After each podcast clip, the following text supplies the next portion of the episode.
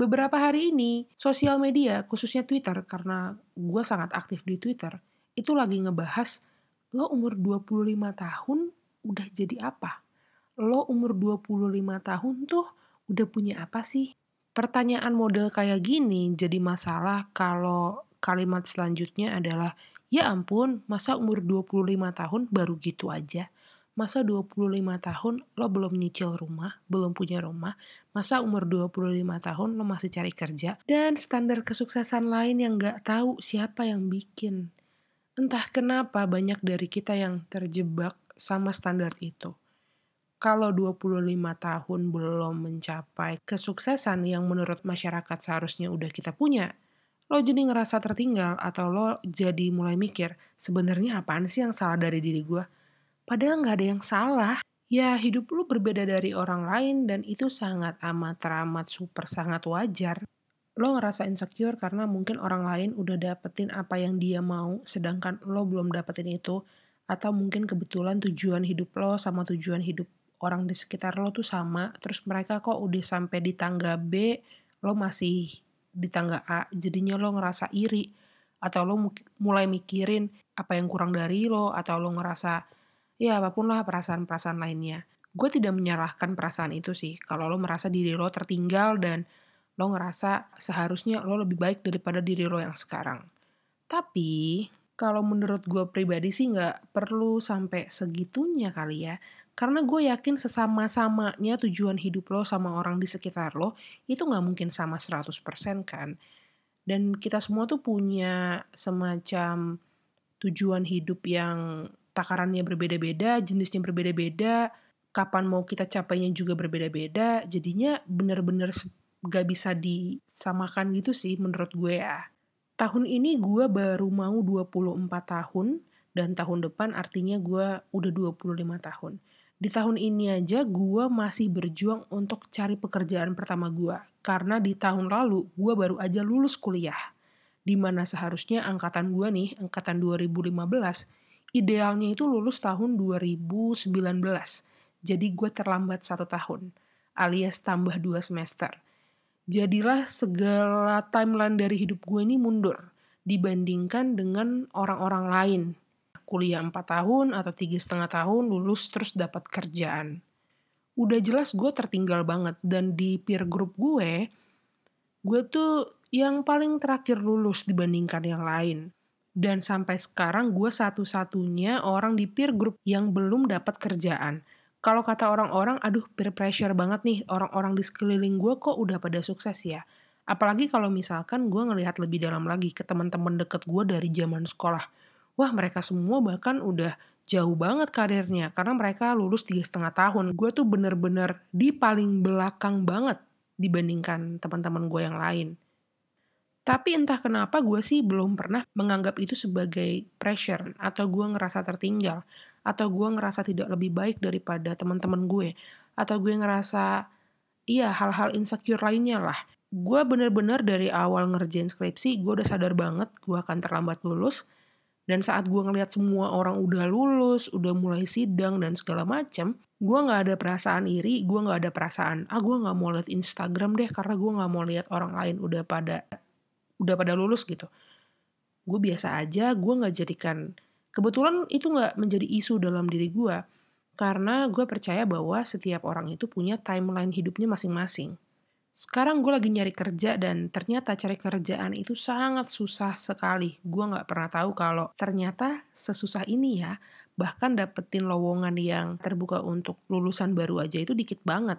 Kalaupun ada, mereka kayak lebih milih yang udah pernah punya pengalaman. Bisa dibayangin lowongan untuk lulusan baru sedikit sesedikit itu, sedangkan yang lulus tiap tahunnya sebanyak itu.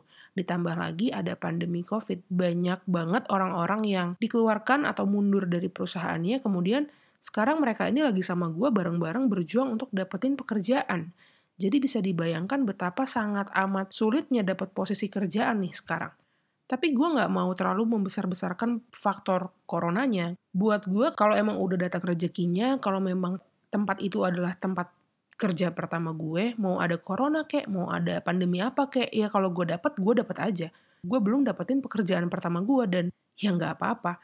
Sebenarnya bagi gue, kalau ditanya kok lo bisa santai banget gitu misalkan? Kan lo nggak ada pemasukan bingung nih gimana caranya cari uang dan segala macam gitu. Iya sih gak ada duit. Gue jadi susah banget sih gimana ya caranya dapetin duit. Tapi gue ngerasa stres depresi mikirin berlebihan itu nggak menjadi pilihan aja sih buat gue. Ya secara sadar aja gue menyadari bahwa mau gue nangis tiga hari tiga malam gak berhenti gak makan gak tidur mau gue stres sejadi-jadinya kalau gue belum dapat pekerjaan ya belum dapat aja dengan gue jadi stres, badan gue jadi sakit, gue malah jadi butuh ke dokter, gue jadi harus benerin mental health gue lagi, malah berdampak negatif bagi gue, ujung-ujungnya gue malah jadi nggak bisa produktif cari pekerjaan. Kan malah jadi nggak enak gitu. Mungkin kondisi gue ini bisa dibilang spesial karena gue dikelilingi oleh orang-orang yang sangat amat mendukung gue. Setiap ketemu ya ada aja yang nanya gimana, udah dapat kerja atau belum, teman-teman terdekat gue atau gimana ada wawancara lagi nggak? Tapi gue bisa merasakan bahwa intensinya beneran nanya dan beneran care gitu. Lo udah dapat kerjaan belum sih? Dan ketika gue bilang belum nih gue belum dapat kerjaan. Gue baru handle project-project aja dan yang kayak ya udah nggak apa-apa dan segala macem gitu. Saat gue belum lulus dan saat gue belum dapat pekerjaan gue terjebak di dalam suatu obrolan yang membahas sesuatu yang gak gue tahu.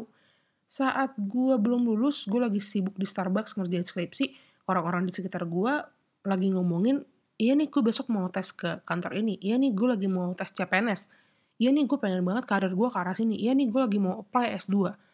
Saat gue udah lulus, lingkungan pertemanan gue bahasnya, aduh gue stres banget di tempat kerja, yey gue semangat nih memulai hari baru di tempat kerja, duh gue kayaknya mau resign dari tempat kerja, gue mau cari tempat pekerjaan baru, bahkan udah ada yang, yey gue dapat pekerjaan baru gue. Sangat seterlambat itu gue ketika ngebahas kehidupan dengan orang-orang di sekitar gue. Percaya atau tidak, karena pada kenyataannya gue juga suka nggak percaya, tapi itu semua sama sekali nggak memberikan efek atau dampak buruk, gak bikin gue jadi insecure, gak bikin gue ngerasa jadi nggak semangat, gak bikin gue jadi merasa bahwa value diri gue ini rendah. Gue biasa aja, gue menjalani hidup gue, gue terus berusaha untuk dapetin apa yang gue mau. Gue sangat bahagia sekali dengan pencapaian yang telah didapatkan oleh teman-teman gue. Sebahagia itu, kayak gila gue bangga ya lo bisa dapetin apa yang selama ini lo impikan, apa yang selama ini lo mau. Dan gue senang banget gitu. Gue belum ada di sana, ya nggak apa-apa. Suatu hari pun gue akan mencapai di sana. Karena bagi gue yang terpenting adalah gue tetap terus berusaha untuk dapetin itu. Gak berhenti gitu loh. Jadi kalau misalkan gue ditanya umur 25 tahun, lo mau punya apa? Gue mau dapetin apa yang selama ini gue inginkan dan apa yang gue inginkan. Sepertinya gue cukup yakin tidak sama dengan lo. Jadi gue tidak perlu membandingkan keinginan gue dengan keinginan lo, ataupun keinginan lo juga gak perlu dibandingin sama keinginan gue gitu. Udah mari kita bahagia aja dengan pilihan hidup kita dan pencapaian hidup kita masing-masing. Terakhir sebagai penutupan, buat lo yang sedang berusaha untuk mencapai apa yang lo inginkan, bahkan mungkin buat lo yang lagi mencari, sebenarnya di hidup ini lo tuh pengen jadi apa sih, pengen jadi seperti apa sih, pengen mencapai apa sih, tidak apa-apa, tidak ada kata terlambat. Lo gak perlu takut ngeliat orang lain yang mungkin udah berhasil lebih dulu dari, daripada lo, lo juga gak perlu lihat orang lain yang mungkin di bawah lo sekarang. Berfokuslah sama apa yang lo punya, sama apa yang lo mau. Carilah sebenarnya lo tuh pengen jadi seperti apa, pengen memiliki pekerjaan seperti apa pengen mengikuti passion, pengen mencari uang, pengen mendapatkan uang dari passion atau apa pun itu, cari sendiri menurut versi lo. Kalau lo cuma mau selalu ikutin jalan yang menurut orang-orang adalah jalan yang seharusnya, dan ternyata lo terjebak dengan keinginan orang lain, padahal itu bukan keinginan lo, menurut gue sih sayang banget, karena lo berhasil hidup menurut versi orang lain, bukan versi lo. Umur 25 itu mestinya kita udah jadi orang yang bisa berdiri di atas kaki sendiri. Dalam artian at least lo bisa biayain makan lo sendiri. Lo bisa biayain transport lo sendiri. Lo bisa biayain oke okay, nggak usah tempat tinggal kayak punya rumah atau apa. Oke okay, lo misalkan nggak nggak bisa ngekos gitu.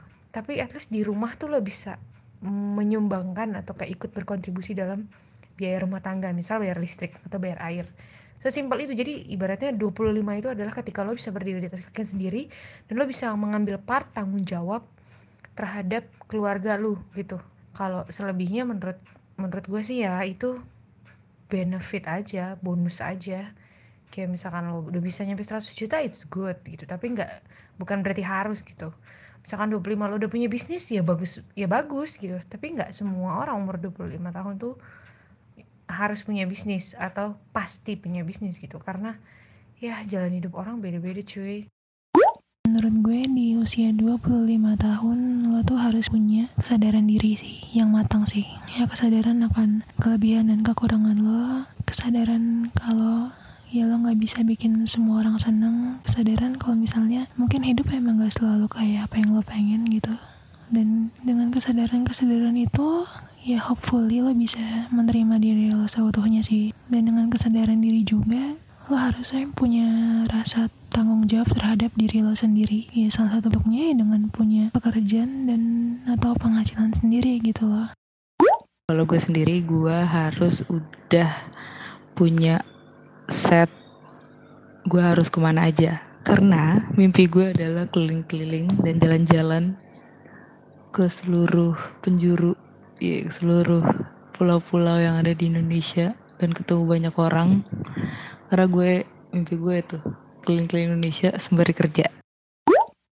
Umur 25 tahun mau parah sudah bisa kerja tapi sehat kayak misalnya kalau olahraga gue udah tahu olahraga yang cocok buat badan gue terus konsisten menjalankan olahraga tersebut terus biar gue sehat secara jiwa juga gue mau tetap bisa have fun terus masih bisa maintain pertemanan yang gue suka idealnya itu sih mau 25 tahun bisa hidup bener-bener mandiri, mandiri finansial, sehat, jiwa raga, sama bisa maintain pertemanan yang gue suka. Umur 25 tahun, lo tuh harus punya kesadaran bahwa pace hidup orang tuh beda-beda. You don't have to compare what you already have to what anyone else. Being mentally stable and be aware about your mental health maybe help lu kalau nanya gue 25 tahun tuh harus apa atau harus sudah dapat apa tuh gue nggak tahu deh sungguh gue nggak tahu. Kayak setiap orang tuh kan jalan hidupnya beda-beda ya. Di umur 25 tahun ini ada yang baru stres lah, ada yang baru dapat masalah, ada yang baru bangkit dari keterpurukan, ada yang udah cep sesuatu, ada yang tiba-tiba baru dapat musibah, ada yang apalah segala macam ya kan gak ada yang tahu ya. Jadi kayak kalau orang nuntut umur 25 tahun harus apa harus apa kayak eh uh, gimana ya? buat diri gue sendiri ya nggak harus di umur 25 tahun tapi yang pasti lo harus tetap melangkah satu langkah lebih baik. Gue pengen aja gitu punya fighting spirit yang kayak apinya tuh semakin terbakar semakin besar apinya. Atau misalnya memang ketika gue tidak mendapatkan sesuatu yang lebih baik gue bisa menjadi lebih baik terhadap diri gue sendiri. Kalau orang maksa lo harus ini harus itu ah udah udah. Yang penting lo fokus sama diri sendiri aja dah